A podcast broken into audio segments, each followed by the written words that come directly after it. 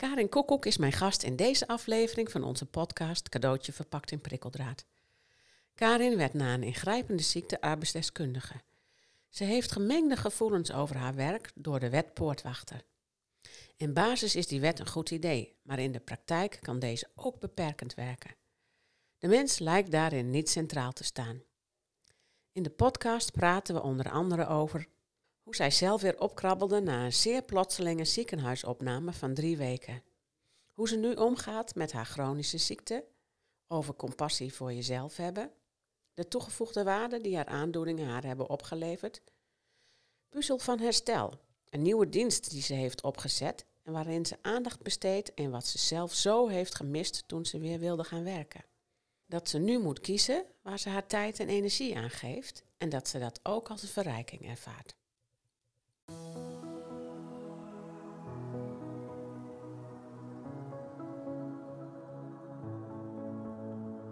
Dit is de podcast Cadeautje verpakt in prikkeldraad met Greet Vonk. Moeilijke tijden zijn ook cadeautjes, hoe lastig ze ook zijn. Helaas zitten ze wel verpakt in prikkeldraad. In deze podcast willen we je inspireren en kennis aanreiken, waardoor je een andere kijk krijgt op de ellende van jezelf of van iemand anders.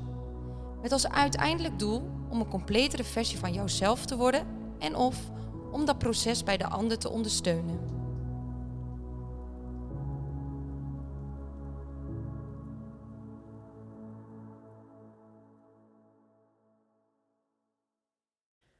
Karin, welkom. Dank je. Fijn dat jij je verhaal wilt vertellen. Het is een bijzonder verhaal met zelfs uh, een nieuw bedrijf wat je, wat je eigenlijk net begonnen bent. Um, nou, laten we maar gewoon uh, bij het begin beginnen. Je hebt een uh, pittige periode meegemaakt, alweer meer dan tien jaar geleden. En dat heeft uiteindelijk te geleid tot een heleboel veranderingen. Wil je daarover vertellen? Nou, mijn naam is Karin Koekoek en uh, wat je zegt klopt. Ik uh, heb een aardig proces uh, achter de rug en zit ik nog middenin. Um, in 2011 ben ik ernstig ziek geworden. dat begon met wat ik dacht een buikgriep. dat hield aan, dus uiteindelijk toch naar die huisarts toe. En die zei van nou, jij moet nu naar het ziekenhuis. Dus dat was een heel gek moment, want eigenlijk van het een op het andere moment, ik mocht ook niet naar huis, moest gelijk door.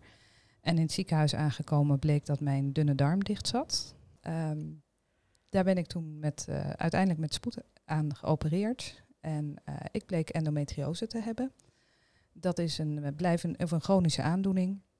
Um, toen ik het ziekenhuis uitkwam, ja, wel begonnen aan herstel en bekijken hoe nu verder.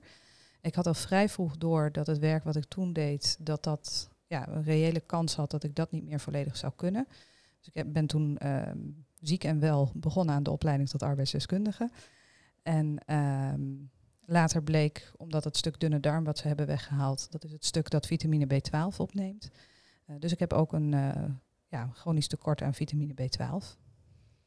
En toen ben je opgekrabbeld? En toen ben ik op, ja, eerst het ziekenhuis uitgekropen, zo ongeveer, na drie weken daar gelegen te hebben. Zo. Um, dus ja, dat, dat, was, uh, dat waren drie bijzondere weken. Uh, ik vergelijk het altijd alsof je op een soort ruimteschip bent beland, want dat is een hele andere wereld. Um, en ja, wat ik al zei, ik had vrij vroeg door van hé, hey, het werk zoals ik dat deed, dat gaat hem niet meer worden. Dus ik, het zou wel mooi zijn als ik me verder kan specialiseren. Ik was altijd al nieuwsgierig naar werk en reïntegratie. En wat maakt nou dat iemand wel iets aan kan of iemand niet iets aan kan. Dus die opleiding tot arbeidsdeskundige was voor mij een hele logische stap. Um, dat opkrabbelen. Dat is natuurlijk. Um, is op het gebied van werk geweest, maar natuurlijk veel breder. En dat, dat begon ook echt met hele kleine stapjes van boos worden op jezelf dat iets niet lukt. En dan toch proberen hoe dan wel weer terugvallen, weer opkrabbelen. Uh, heel klein beginnen met kleine stukjes wandelen. Uh, en zo toch weer volhouden uh, totdat je weer op een niveau bent van enigszins functioneren. En, en het is dat besef was ook heel dubbel. Want aan de ene kant kon ik nog niet zoveel. En aan de andere kant kon ik er niet tegen om thuis te zitten en niks te doen. Dus dat bijt elkaar dan ook. Dus daarin ben je ook continu op zoek naar die frustratie en terwijl je tegelijkertijd die rust nodig hebt. Dus dat is een leuk. Uh... Dus dat is mooi, hè? Dat, is, dat zeggen wij ook in onze praktijk wel eens van. Uh, geduld en ongeduld, je hebt ze allebei nodig in dit soort processen. Ja. En in een goede balans. Ja. ja, en die balans is soms ook even zoeken. Ja, je schiet En, en precies. altijd even door of zo. Nou ja, kijk, als je alleen maar geduldig bent, kom je gewoon geen stap verder. En als je alleen maar ongeduldig bent, dan frustreer je je hele lichaam uiteindelijk weer. Dus dat helpt ook niet.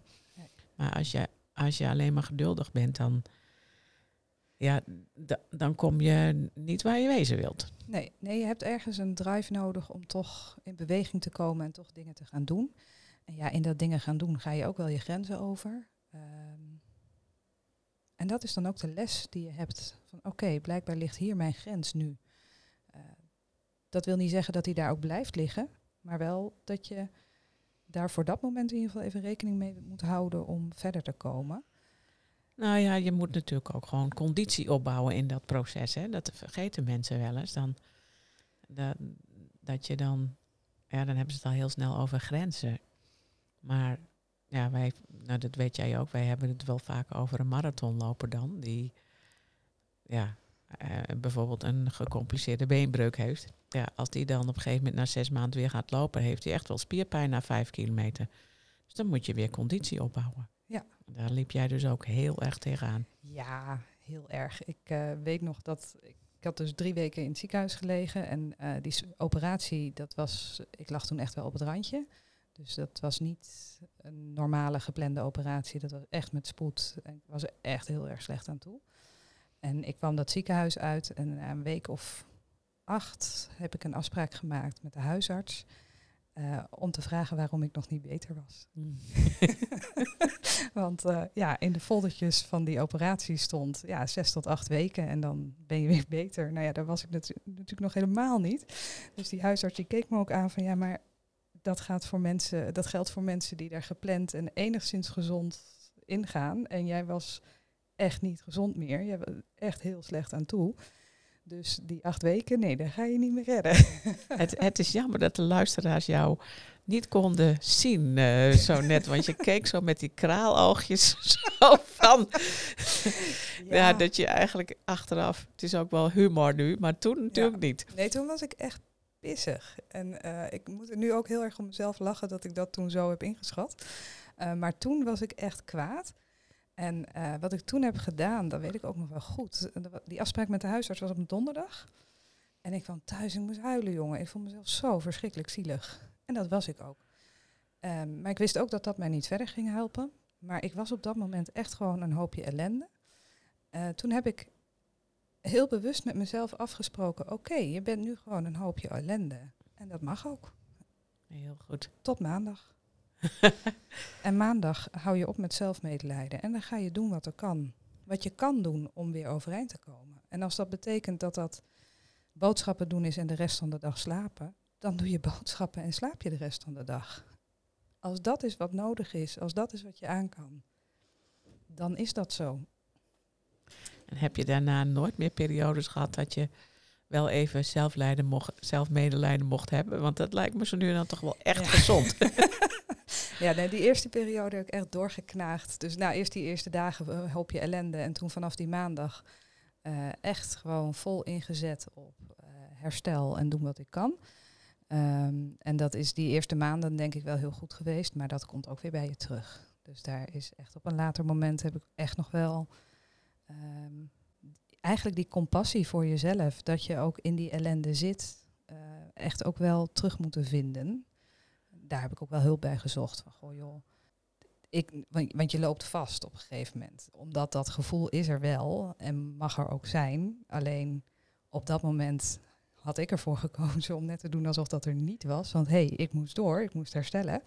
Ehm, ja, die heb ik nog wel terug moeten halen en even de ruimte moeten geven. Zeker wel. Ja. Ja, mooi is dat, hè? En, ehm, mensen die, vooral sterke mensen doen dat. Die hebben zoiets van, nou, ik ga niet in de slachtofferrol zitten. Ja, maar nooit niet. Maar dan vergeten ze wel eens even dat ze nu dan echt belangrijk is om, ja, toch even... Wij, zeggen wel eens gekscherend van, ja, nou neem dan in ieder geval dat je twee keer een kwartier op een dag zelf medelijden mag hebben. ja, die had ik even overgeslagen inderdaad. Ja, maar dat is voor je proces wel heel belangrijk. Ja. hij komt weer terug. Want dat is, eh, het is, die zelfmedelijden, dat is ook de liefde voor jezelf. En eh, dat is het totaalpakketje wat jij zelf bent. En daar, dat is niet alleen maar happy de peppy. Dat is ook je verdriet en ook je pijn en ook eh, het even zielig mogen zijn. Het, is gewoon eerlijk naar jezelf. ja, Ja. ja, en soms, ehm, ja, soms moet je even jezelf, de, eh, je eigen beste vriendin durven zijn of zo. ja. Nou, dat is jou wonderbaarlijk goed gelukt, uiteindelijk. ja. Maar hoe, hoe, kun je daar nog iets over zeggen, over dat opkrabbelproces? Ehm, ja, met vallen en opstaan en ook steeds beter naar jezelf durven luisteren. Want ik had ehm, na die periode van uit het ziekenhuis ben ik dus die opleiding gaan volgen. Eh, want ja, hey, ik zat ziek thuis, dus ik had niks te doen. Dat kan natuurlijk niet. Ehm, maar goed, gaandeweg, eh, na een half jaar ongeveer, ehm, had ik ook een baan gevonden. Case manager ziektewet. Ehm, en na ongeveer een half jaar bleef het niet goed gaan met mij.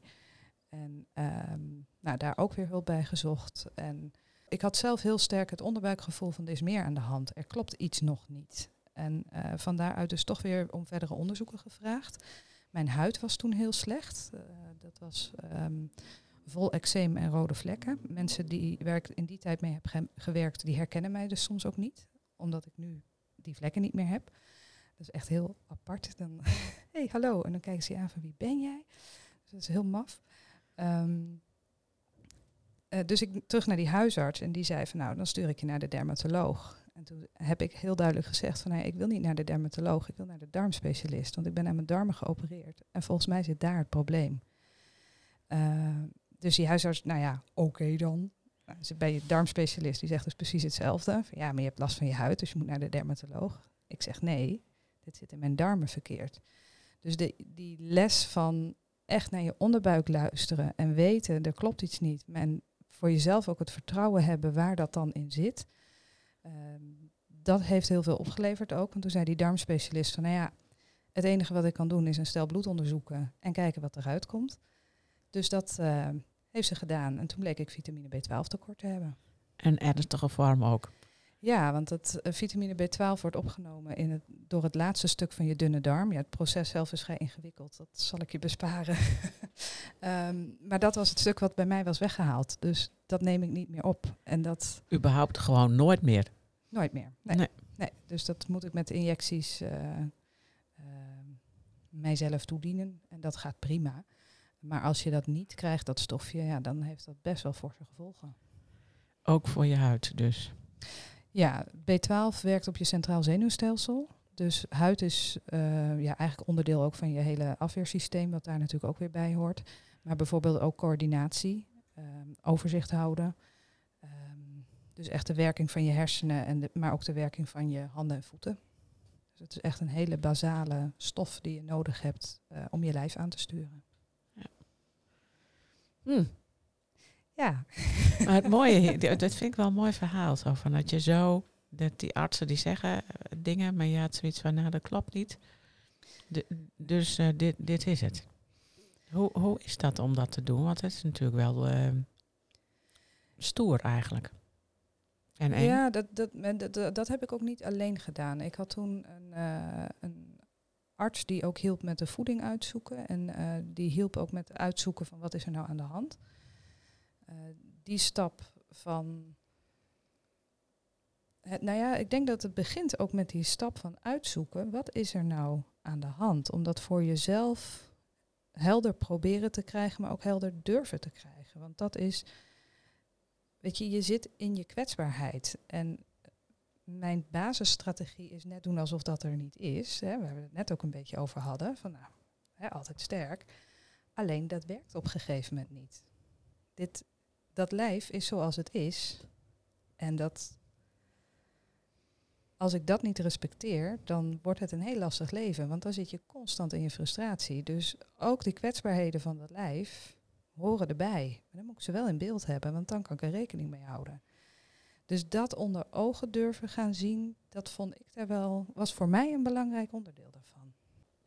En ehm, je vertelde net van ja, die, die, die kwetsbaarheden, die, daar heb ik rekening mee te houden. En je hebt ook eh, die endometriose, die is er ook nog steeds. En die heeft natuurlijk ook nog steeds invloed op jouw leven. Of is dat een. En dat is nu rustig. In die zin, eh, daar gebruik ik medicatie voor. Eh, daar heb je ook wel wat bijwerkingen van, maar dat weegt niet op tegen de klachten die ik anders zou hebben. Ehm, ja, endometriose betekent dat er baarmoederslijmvlies op een andere plek in je lijf groeit. In mijn geval zat dat dus bij die darmen. Eh, betekent ook dat dat gaat over vruchtbaarheid, over kinderen krijgen. Eh, kan dat wel of kan dat niet? In ons geval hebben we het geluk gehad dat ik ja, toch zwanger heb kunnen worden en dat we een zoontje hebben kunnen mogen krijgen. Ik zeg zoontje, maar hij is al bijna weer zes, dus eh hele, hele kerel alweer. Eh, maar goed, bijvoorbeeld de, de afweging van een tweede, ja, dat is de vraag of dat überhaupt nog kan of niet. En dat kan ook heel confronterend zijn. Tegelijkertijd dat we al een zoon mogen hebben, dat, ehm, dat is al een, ja, hoe zeg je dat? Dat is al een cadeautje. Want er zijn ook een heleboel mensen eh, die endometriose hebben die geen kinderen kunnen krijgen. Bij wie het helemaal niet lukt. En dat is, eh, Dus dan voel je een soort van gezegend. ja, ja de, de zegening en ook het verdriet dat dingen anders gelopen zijn, die zijn dan naast elkaar. Ja, Maar gelukkig wel ook de zegen. Ja, ja en dat, dat is ook eerlijk, hè? En, en. ja, ja. Ja, en het is. ehm, eh, bij, bij ons is, dat, is die acceptatie er eh, best wel. Ik weet dat er ook mensen zijn die één kind hebben mogen krijgen, die heel graag een tweede zouden willen. Of een derde, bij wie dat niet kan, op, om wat voor reden daar ook. Dat verdriet is ook verdriet. En eh, dat, dat zit hem niet in het aantal kinderen dat je graag zou willen. Dat zit hem in, hè, zo van, maar je hebt er toch één, dus hé, dan is het toch goed. Eh, maar dat zit hem in het de verlangen en de, het behoefte die je hebt, die daarachter zit. En dat, ik vind het fijn bij ons om te merken dat we, wij daar de acceptatie in hebben. Eh, maar dat dat bij andere mensen anders kan zijn, dat, dat heb je ook te respecteren. En dat mensen zitten heel snel in conclusies en ehm, vinden heel snel iets. Eh, iemand heeft één kind, oh nou, lekker makkelijk. Ja, daar kan dus ook een heleboel verdriet achter schuil gaan. Ja. ja. En, en dat is, ehm, ja, ook qua lijf, weet je. Het, het is, door die darmoperatie heb ik een gek buikje. Nou, hoe vaak ik wel niet te horen krijg van, oh wat leuk, krijg je een tweede? Nee, en dat kan waarschijnlijk ook niet meer. Mensen springen zo snel naar een conclusie, naar een... ehm, die vinden zo snel ergens iets van, zonder na te denken over, hé, hey, daar zit misschien wel een verhaal achter. En misschien wel een heel ander verhaal dan je zou vermoeden. Ja de, de mensen gaan uit van hun eigen, ja, Eigen referentiekader. eigen referentiekader. En Ja. dat hoeft lang niet altijd te kloppen. Nee, nee. En daarin, ehm, de- toen wij eh, ons zoontje nog niet hadden, kon dat echt heel pijnlijk zijn dat je dat soort opmerkingen kreeg. Eh, ik vind het wel fijn om te merken dat wij daar nu de rust en de acceptatie in hebben. En dat ik hem ook bij die persoon zelf kan laten. Van ja, weet je, eh, dit is mijn buik. en daar mag jij van alles van vinden. Maar, en van allerlei conclusies aan trekken. Maar ja, daarmee raak je mij niet meer. Nee, precies. Ja. Ja, mooi. Het is jou gelukt dus uiteindelijk om arbeidsdeskundige te worden. En ehm, dat doe je nu al een jaar of tien inmiddels. Ik ben in eh, 2013 afgestudeerd. Ehm, wij werken met mensen die een beperking hebben in werk. Dus het overgrote deel van de arbeidsdeskundige werkt bij het UWV om te kijken, heeft iemand recht op een uitkering of om mensen te begeleiden naar werk of in werk. Ehm, daarnaast heb je arbeidsdeskundigen bij arbodiensten, die, kijken, eh, die zitten in die bedrijfsgezondheidszorg op het moment dat mensen in dienst zijn. Maar ook arbeidsdeskundigen die voor arbeidsongeschiktheidsverzekeraars werken. Dan eh, begeleid je dus ondernemers die zijn uitgevallen. Uh, verder komt die arbeidsdeskundige langs op het moment dat er sprake is van letselschade. Dus dat iemand niet meer alles kan, maar dat er ook iemand voor aansprakelijk is. Dus dat is in een notendop uh, het werkveld waar ik me in beweeg. Vind je het leuk? Ja en nee. Ik kom langs op het moment dat het niet goed gaat met iemand. Uh, dat is vaak ook een moment dat je hele mooie gesprekken met mensen kan hebben. Dus dat, dat vind ik echt wel heel mooi aan het werk. Je zit ook in een systeem van wet en regelgeving, wat uh, best wel bepalend kan zijn voor mensen. En ja, dan is het wel de kunst om te kijken van hè, hoe doe je aan de ene kant die mensen zo goed mogelijk recht en tegelijkertijd alle andere betrokkenen. En dat, daar zitten echt wel spanningsvelden in. Ja, dan bedoel jij met name de wet poortwachter, hè? Daar vind jij wel iets van? ja, ook daar sta ik duaal in hoor. Dat, eh, Ja. Die kent ook twee kanten. Eh, kijk, de achterliggende gedachte van die wet en regelgeving is... denk in mogelijkheden en kijk hoe je zo goed mogelijk invulling kan geven aan die mogelijkheden. Ja, die, dat is zo. Hè? Die wet poortwachter staat nu als heel vervelend eh, te boek. Maar de, de, de achtergrond daarvan is eigenlijk heel positief. Heel positief, ja. en Ja. toch is hij heel negatief vaak, of wordt hij heel vaak negatief uitgepakt. Hoe komt dat? Ehm, er is ook wel een beweging in het werkveld. Kijk, die wetverbetering poortwachter is vertaald naar een procesgang eerste en tweede ziektejaar. Eh, dus het wordt gevat in een proces. Dus een proces met bepaalde stappen. En die stappen moet je netjes volgen. En dat is een systeem van eh, ja, bijna afvinken. Hebben we dit gedaan? Hebben we dat gedaan? Hebben we zus gedaan? Hebben we zo gedaan? En als je het daarbij houdt, dan wordt dat dus een heel koud stappenplannetje. Terwijl als je ziek bent, kan je wel van alles doen en kan je wel van alles willen, maar dat lijf wil niet altijd of je hoofd wil niet altijd. En dat houdt zich niet aan een stappenplan. Dus het proces en het systeem poortwachter is een ander proces en een ander systeem dan die mens die daarin zit en die daar doorheen gaat. En op het moment dat je dat niet uit elkaar haalt en dat niet heel duidelijk uitlegt, ja, dan, dan komen, kunnen mensen wel echt in de knel komen.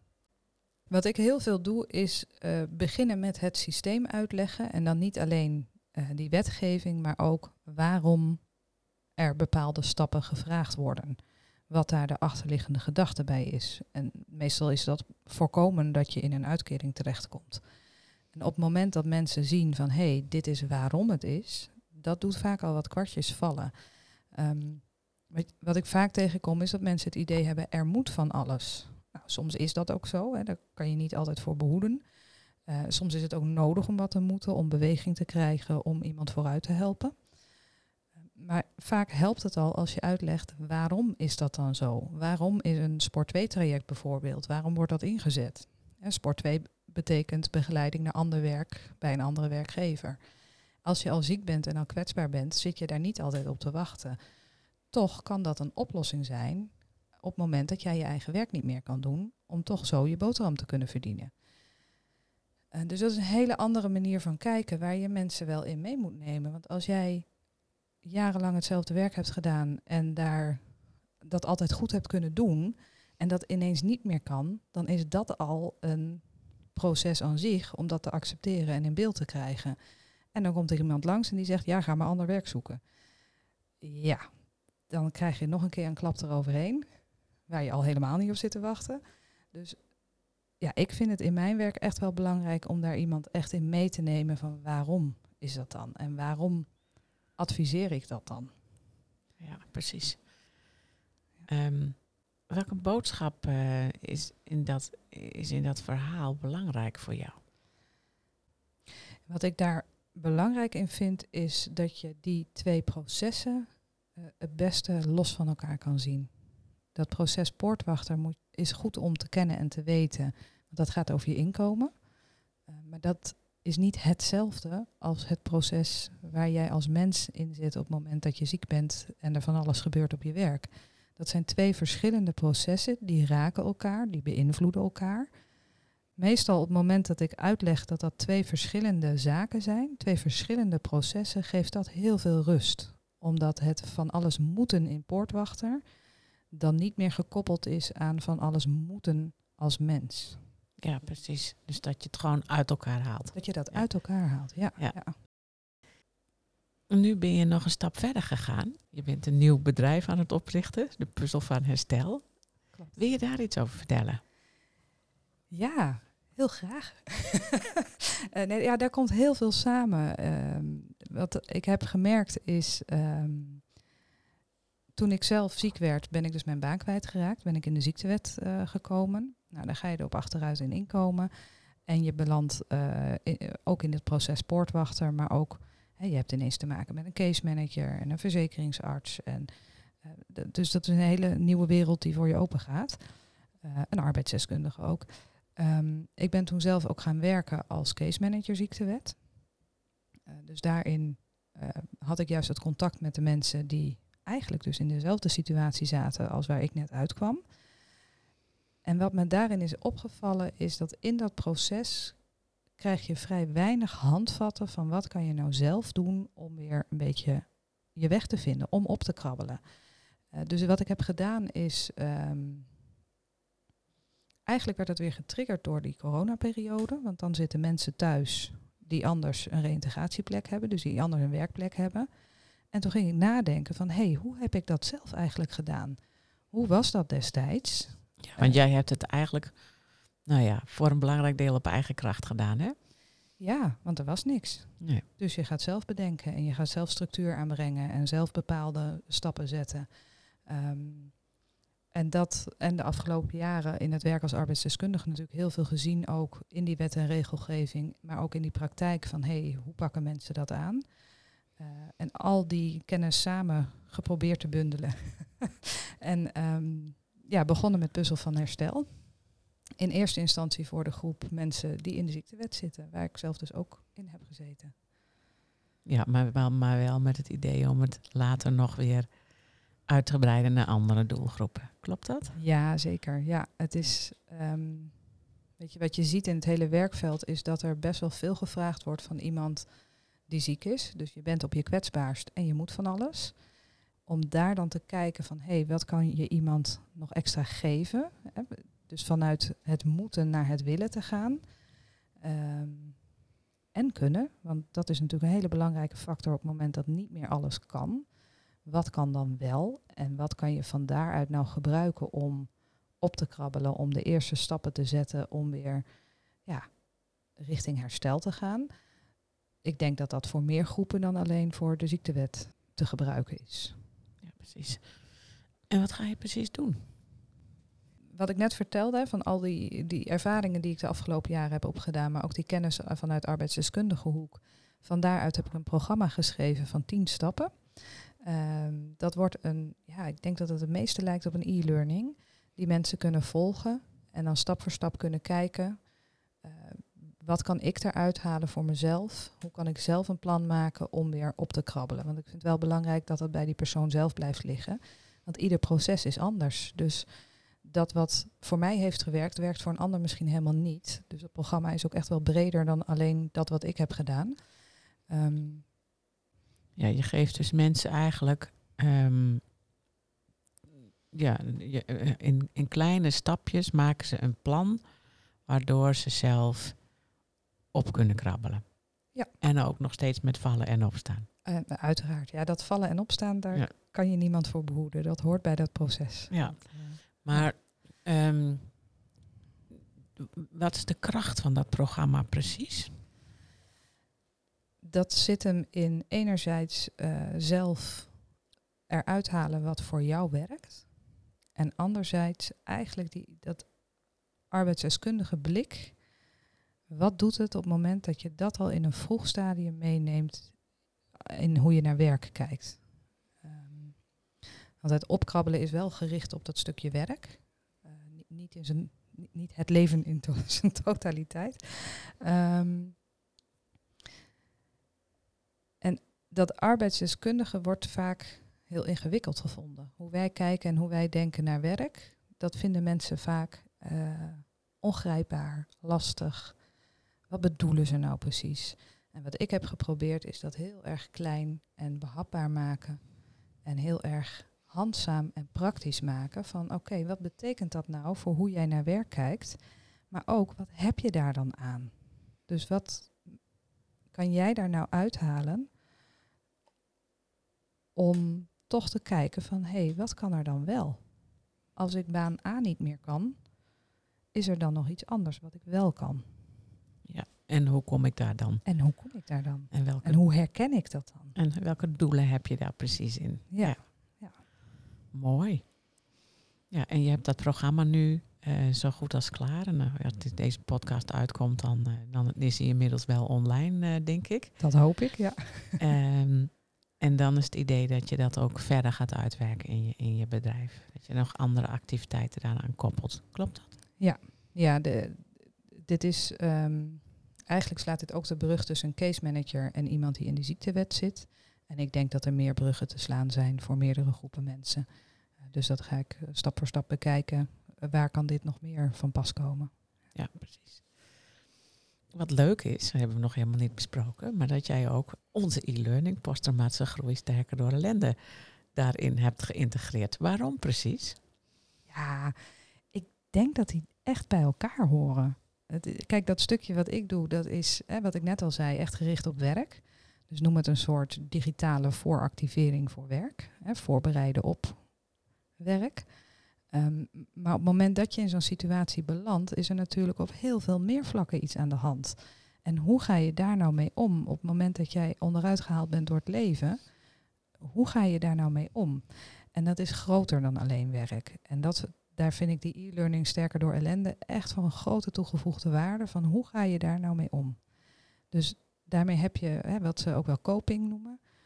Uh, plus dat stuk werk. Ja, ik denk dat dat echt elkaar versterkt.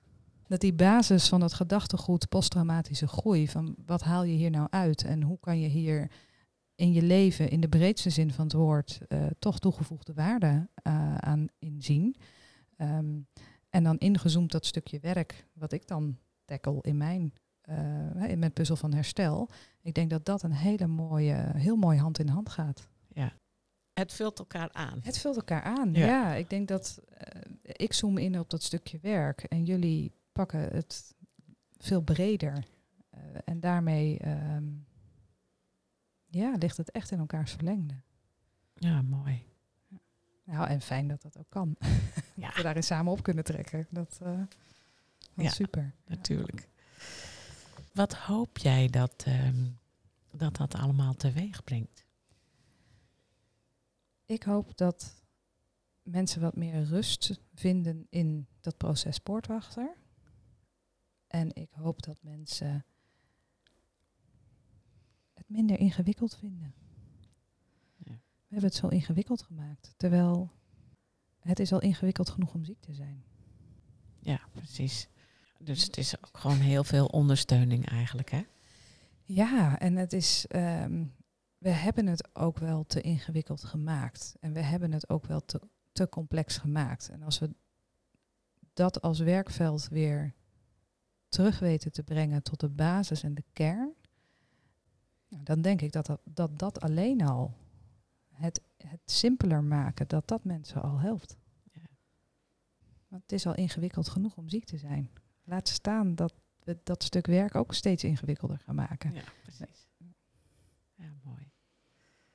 Als je nou kijkt hè, naar jouw eigen verhaal, is het best wel indrukwekkend. Hè? Waar we het begin, we zijn er eigenlijk in vogelvlucht doorheen gegaan, maar dat jij zelf zo ziek was en waar je nu staat, dat is wel, uh, dan heb je heel veel van je eigen ervaringen um, gebruikt in waar je nu staat.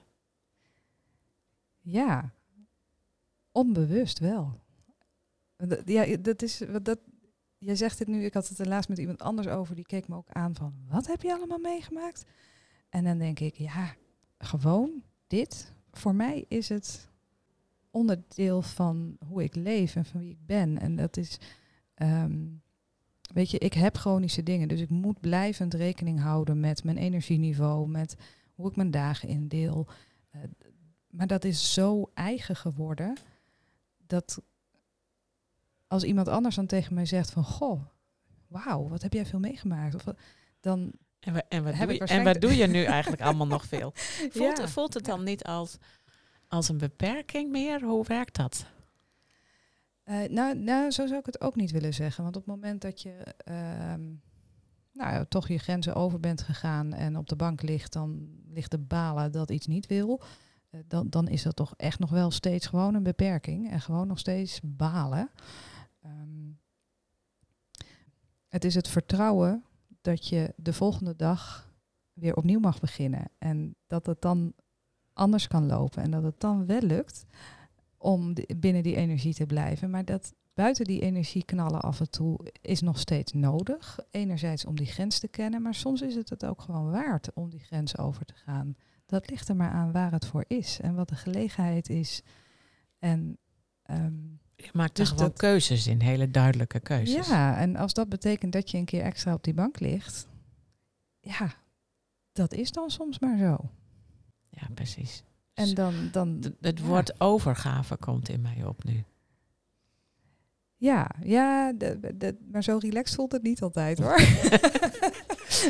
je je, nee, maar je knalt ook je frustratie wel in, maar ehm, met name dat stuk vertrouwen. En daar zit denk ik wel die overgave in. Dat je erop vertrouwt dat ehm, dat, dat erbij hoort. En dat, je, uh, dat het een golfbeweging is. Dat je niet voor eeuwig altijd alleen maar op die bank ligt. Ja, dus eigenlijk komen we dan weer terug bij het begin. Zo van dat je gewoon eerlijk naar je eigen situatie bent. En ook eerlijk met je eigen emoties omgaat. En dat die er ook mogen zijn. Ja. En daardoor is het goed te doen eigenlijk. Begrijp ik dat goed? Ja, het is. Mijn leven is compleet. Met alle plussen, maar ook alle minnen.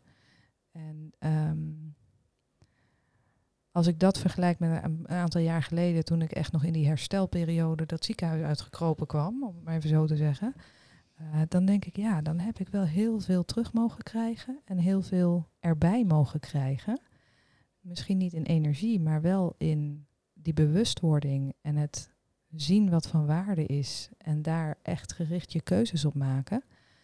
Eh, dat vind ik echt toegevoegde waarde van het ziek zijn. Dat je bewust wordt van ehm, wie je zelf bent.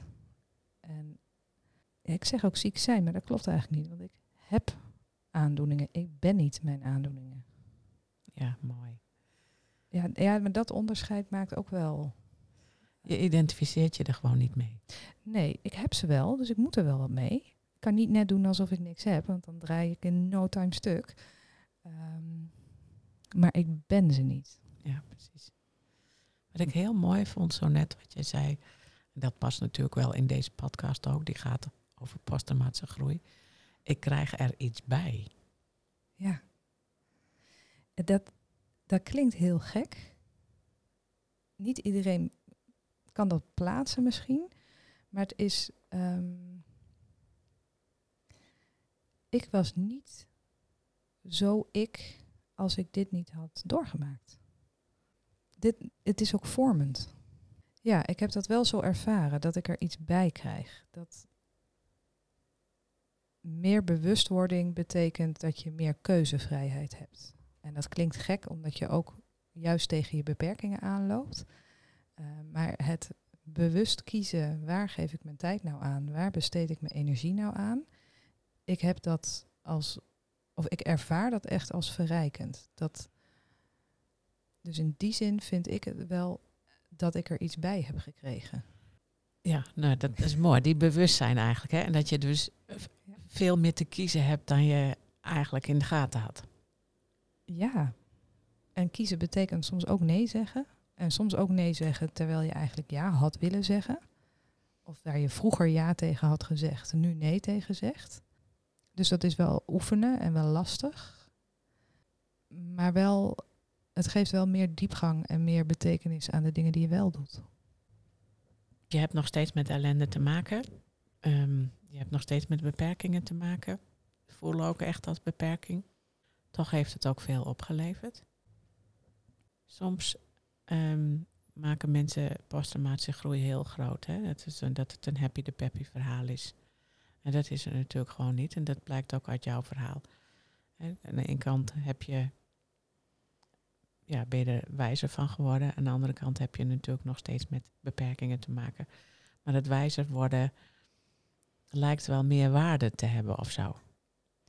Ja, en het, in heel veel facetten, weet je, in je, persoonlijke in je persoonlijke leven en de keuzes die je maakt, maar ook in het werk. Weet je, ik spreek mensen die in een situatie zitten, ehm, die, waar ik, die misschien niet hetzelfde is als de situatie waarin ik waarin ik heb gezeten, maar waar wel parallellen in zitten. Dus mensen voelen zich uh, misschien wel ook wel eerder gezien en gehoord door.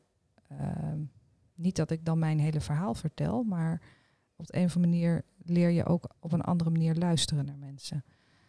Omdat je weet hoe belangrijk het is om soms even stil te zijn en even die aandacht te hebben. Zonder gelijk alles wat er moet. Eerst even horen, wat is er nou? Waar staat iemand nou? Hoe, hoe is het nou met iemand? En van daaruit die aansluiting zoeken, zodat iemand ook zich meegenomen voelt in dat verhaal waar je eigenlijk niet op zit te wachten, in dat verhaal poortwachter en ehm, ja, dat. Oké, nou dan sluiten we hem af. Ja. Dankjewel voor jouw verhaal. Ja, dankjewel voor het mooie gesprek. Dankjewel voor het luisteren naar deze cadeautje verpakt in prikkeldraad podcast. We willen nog graag een paar belangrijke dingen met je delen. Als je enthousiast bent over deze podcast, dan zijn we blij met een review. Daarmee help je ons bij onze missie. Je kunt de podcast natuurlijk ook doorsturen aan mensen van wie jij denkt dat ze er ook iets aan hebben. Wil jij voortaan alle nieuwe podcastafleveringen overzichtelijk op een rijtje? Abonneer je dan op deze podcast. Heb je vragen of ideeën voor deze podcast? We horen het graag. Je kunt een mail sturen naar info.sterkerdoorellende.nl of Greet Vonk een bericht sturen op LinkedIn. Zoveel mensen kunnen profiteren van een andere kijk op ellende. Het is daarom onze missie om PTG bekender te laten worden dan PTSS. Wil jij meer weten over PTG of bijdragen aan onze missie? Je kunt op onze website www.sterkerdoorellende.nl onze boeken bekijken en eventueel kopen, de e-learning bekijken, een gratis inspiratiesessie volgen, de PTG-vragenlijst invullen, workshops en opleidingen boeken. We hopen dat deze podcast jou heeft geïnspireerd, zodat je in tijden van ellende in jouw leven of werk kiest voor het positieve en hoopvolle gedachtegoed van PTG. Voor jouzelf, je familielid, je vriend, vriendin, collega, klant, voor wie dan ook. Tot de volgende keer.